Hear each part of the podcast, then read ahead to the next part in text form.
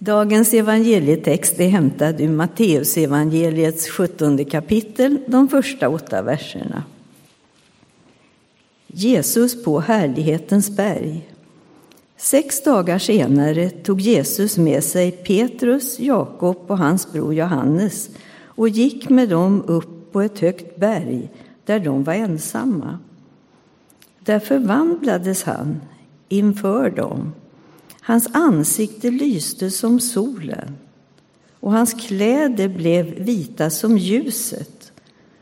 Och de såg Mose och Elia och stå och samtala med honom. Då sa Petrus till Jesus, Herre, det är bra att vi är med. Om du vill ska jag göra tre hyddor här, en för dig, en för Mose och en för Elia. Medan han ännu talade sänkte sig ett lysande moln över dem och ur molnet kom en röst som sa Detta är min älskade son. Han är min utvalda. Lyssna till honom. När lärjungarna hörde detta kastade de sig ner med ansiktet mot marken och greps av stor skräck. Jesus gick fram och rörde vid dem och sa Stig upp och var inte rädda. De lyfte blicken och då såg de ingen utom Jesus. Så lyder det heliga evangeliet. Lovad vare du, Kristus. Temat för söndagen är alltså Jesus förhärligad. Och för att få sammanhanget så tänkte jag först blicka tillbaks lite om det som har hänt några dagar innan. Eh, det var två, tre avgörande saker, både för lärjungarna och för Jesus. För knappt en vecka tidigare ställde Jesus en fråga till lärjungarna han frågar dem, vem säger ni att jag är? Det var efter en tid lärjungarna hade gått, följt med Jesus. De hade fått dela livet med honom, sett under och tecken, varit med om ganska mycket. Och de har sett att det Jesus lär, det lever han också ut.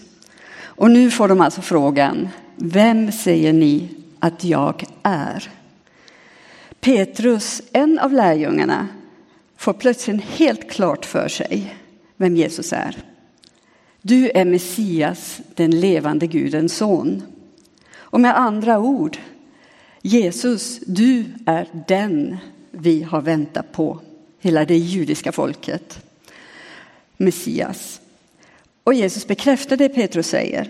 Han säger, det är Gud själv som har uppenbarat det för dig. Det är ingenting du kan veta av dig själv. Men Jesus säger också något annat. Han säger något om hur han ser på Petrus. Vem han ska bli. Petrus, du är klippan på vilken jag ska bygga min kyrka. Här får, Jesus, äh, här får Petrus sitt uppdrag en kallelse. Men här går också Jesu liv in i ett nytt skeende. Det är nu Jesus börjar sin vandring mot Jerusalem och därmed också mot en säker död. Jesus börjar förklara för lärjungarna att han kommer att lida, att han kommer att dödas, men också att han kommer att uppstå på tredje dagen. Det var svårt att ta in för dem. För nu hade de ju precis börjat fatta att Jesus verkligen var Messias. Och lidande och död stämde inte alls överens med den föreställningen de hade vem Messias var. Petrus spontana reaktion är det här kommer inte att hända. Det stämmer inte, det är inte möjligt. Och det är ganska mänskligt att tänka så. och så frestande för Jesus att lyssna på Petrus, välja en enklare väg. Och Jesus reagerar också väldigt kraftigt. Han säger håll dig på din plats, Satan, du vill få mig på fall. Och till Petrus säger han också, du tänker människor tankar och inte som Gud tänker. Det här växlar fort för Petrus. Först går Petrus från att få erkännande och bekräftelse av Jesus, från att få sin kallelse och ett uppdrag till att bli skarpt tillrättavisad. Och detta är alltså bara några dagar inför dagens text. Och nu säger Jesus till tre av lärjungarna, Petrus, Johannes och Jakob, följ med mig, vi går upp på ett berg för att vara ensamma, för att dra oss undan, för att ha tid tillsammans. Och det är inget ovanligt att Jesus söker sig bort från folkmassorna. Att han drar sig undan, ibland själv, ibland med några av de mest förtrogna. Och det är just de här tre. Kanske är det något av höjdpunkterna för lärjungarna, för det betyder egen tid med Jesus. Hänga med honom, få ställa frågor och bearbeta de har fått vara med om. Men denna gången hade Petrus nog blandade känslor. Räknar Jesus fortfarande med honom? Är han fortfarande klippan? Efter tillrättavisningen nyligen är han osäker. Vem är han nu? Väl uppe på berget händer något märkligt. Något de aldrig varit med om tidigare under sina bönestunder med Jesus. Utan förvarning förvandlas Jesus inför dem. Hans ögon och hans ansikte börjar lysa som solen. Och Jesus kläder blir vita, som ljus. Denna gången är allt annorlunda och jag tror det är svårt också att återge vad de har fått vara med om. Vad är det som händer? Lärjungarna har hittills sett Jesus som människa. Nu får de vara med om och se vem Jesus är i sin gudsgestalt. De får se att han verkligen är gudomlig. Petrus, Johannes och Jakob får här en glimt av den himmelska världen som Jesus har lämnat för att bli människa. De får se Jesus sådan han är i himlen. Och nu är det ställt utom allt tvivel för dem att det finns en annan verklighet, en annan dimension än den de är vana vid att uppfatta, en gudsdimension. Himmelen blir på riktigt. Men när allt detta pågår dyker plötsligt två gestalter upp bredvid Jesus och han börjar prata med dem. Lärjungarna förstår att det är Mose och Elia, de största profeterna i de judiska skrifterna. Elias ansågs vara den största av Israels profeter som hade förutsagt den kommande Messias och Moses den som hade, var företrädaren för lagen.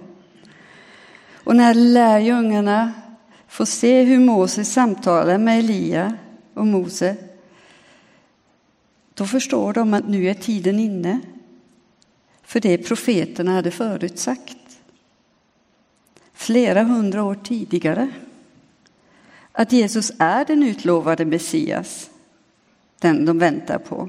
Och impulsiv och spontan som Petrus är så säger han, han vill göra någonting, så säger han låt oss bygga hyddor.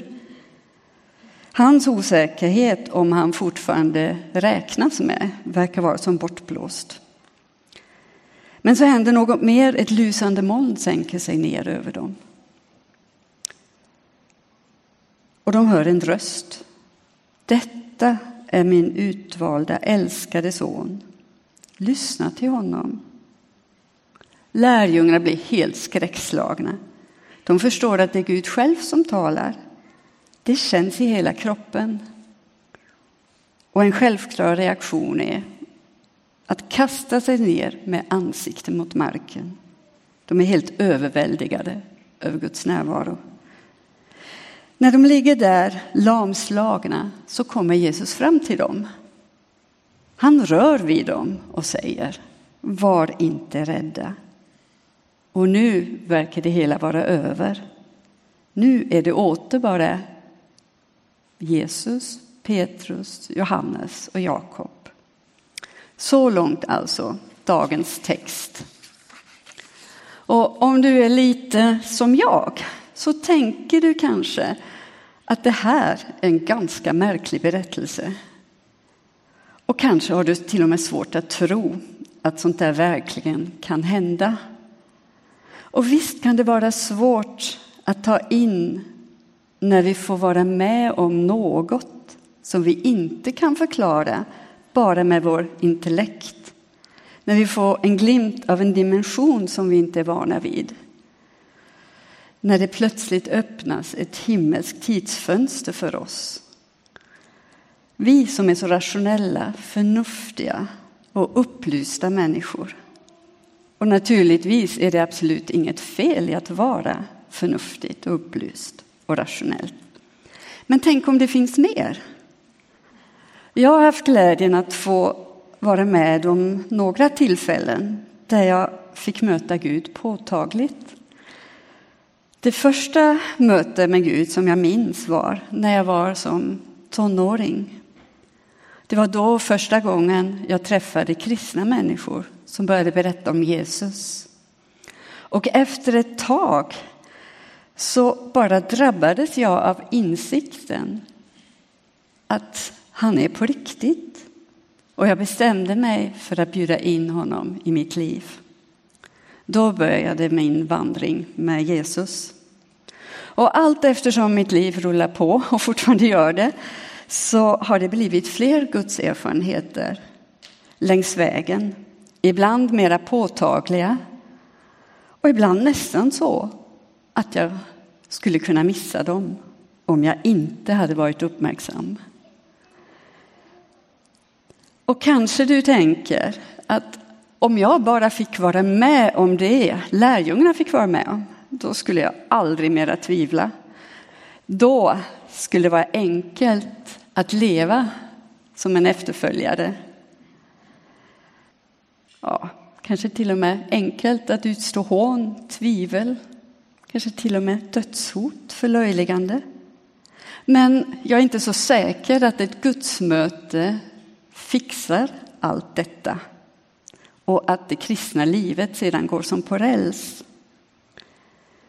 Så var det i alla fall inte för lärjungarna.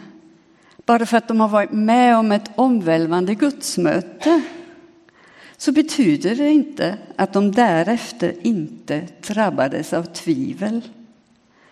Att de fattade allt eller att de inte gjorde bort sig och svek. Kort därefter, deras gudsmöte, så övergav de Jesus när han blev fängslad. Petrus till och med förnekade honom. De började tvivla, det blev inte som de hade hoppats på, så ett gudsmöte löser nog inte allt. Däremot tror jag att gudserfarenheter har stor betydelse i ett längre perspektiv. På längre sikt blev det lärjungarna fick vara med om livsavgörande för dem. Inte minst när de sedan gick ut för att förkunna evangeliet, ofta under stora ombäranden, förföljelse och till och med dödshot. Då var den erfarenheten viktig att kunna luta sig tillbaka mot. De visste att det var på riktigt. Och Guds möte de befäste lärjungarnas tro och gav styrka och trovärdighet åt deras förkunnelse. För de visste verkligen vad de pratade om, för de hade själv varit med om det och sett det. Och jag är övertygad om att om vår tro ska hållas levande, om den ska få växa och befästas, så behöver vi Guds möten och Guds erfarenheter vi kan falla tillbaka till. De vidgar våra vyer och spränger våra vanor, det invanda. Det hjälper oss för att förstå mer av Jesu liv De låter oss se en glimt av Guds storhet och de griper tag i oss. För det mesta är det lika, inte lika dramatiskt som för lärjungarna. Även om jag har mött människor som verkligen har varit med om dramatiska gudsmöten. Men de är alltid personliga. Vi är olika, därför möter Gud oss på olika sätt och vid olika tillfällen. Och jag tror det är viktigt att tänka på att gudsmötens syfte, det handlar alltid om att föra oss närmare Jesus och att förvandla oss på lång sikt. För för dig som längtar efter Guds möte tror jag det är en viktig fråga att ställa dig.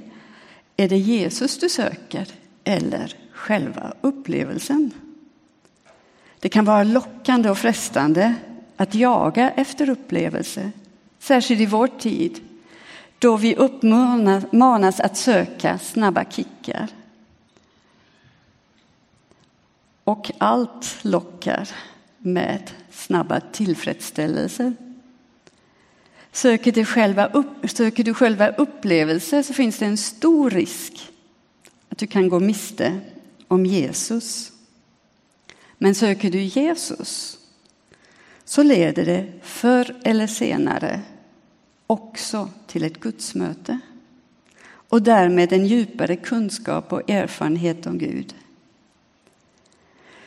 Men kanske du tänker, ja, jag vill ju gärna det, men hur kan gudsmöten bli till? Vad, ja, hur gör man? Och jag tänker för dig som längtar så kommer här några tips vad som kan underlätta. Och det är självklart att Gud kan naturligt möta dig hur, när och var som helst. För honom finns ju inga begränsningar. Men min erfarenhet är att det ofta kan vara en hjälp att medvetet avsätta tid för att söka Gud. För många av oss kristna är just sommaren en tid för konferenser eller läger. Och det kan vara ett sådant tillfälle. Sedan ett antal år tillbaka så börjar vi i vår familj sommaren med att åka på en konferens. Det råkar vara en Joankonferensen i Vänersborg. Men det är ett medvetet val. För vi avsätter då tid för att söka Gud, för gemenskap, för tillbedjan. Vi ser helt enkelt till att skapa utrymme för Gud. Och det är ett sätt för oss att göra oss tillgängliga för Gud. Och det verkar som om konferenser och läger ofta är tillfällen där det är lättare att få vara med om Guds möten. Det händer något med oss när vi byter vår invanda miljö, drar oss undan eller frigör tid. Helt enkelt när vi ger Gud utrymme. För många är det platser som det är gott att vara på och vi vill gärna hålla kvar de ögonblicken, precis som Petrus. Kanske vill vi bygga våra hyddor. Men det hjälper inte att bygga monument. Då blir det bara fina, fina minnen.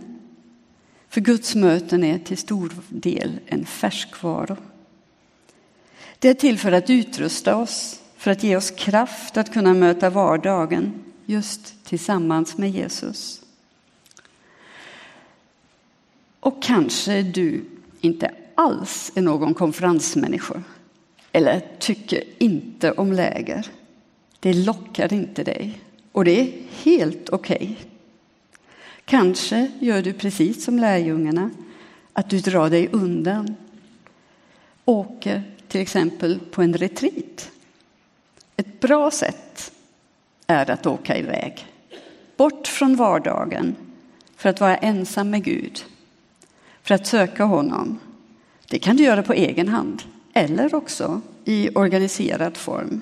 Det spelar ingen större roll. Jag själv, jag tycker både om läger om konferenser, men också retriter. Så för mig är det absolut inga motsatsförhållande. Jag tycker om allt. Och det finns naturligtvis också andra sätt som du kan möta Gud. Jag tror att goda vanor hjälper till. Ett ordnat andaktsliv, det vill säga avsätta tid och plats för bön och för bibelläsning. Eller kanske göra bibelmeditationer. Att regelbundet delta i gudstjänstlivet, precis som du gör idag, fira gudstjänst. Det är ett sätt att ge Gud utrymme. Och alldeles strax ska vi fira nattvard. Också det en möjlighet att möta Gud, att få ta emot honom i bröd och vin. Och kanske är du just nu i behov av ett nytt gudsmöte. Kanske trodde du du hade allt på plats. Men sedan visar sig att verkligheten är mycket mer mångfacetterad. Kanske har inte livet blivit så som du hade tänkt dig eller hoppats på. Kanske har du svikit dina ideal, gjort bort dig, gått vilse. Och du är precis som Petrus osäkert om du fortfarande räknas med. Om kallelsen, om uppdraget fortfarande gäller dig. Vågar du tro att Jesus vill möta dig på nytt? Att han vill följa med dig in i vardagen och att hans ord, var inte rädd, också gäller dig. Jag är övertygad om att han längtar efter att möta dig. Amen.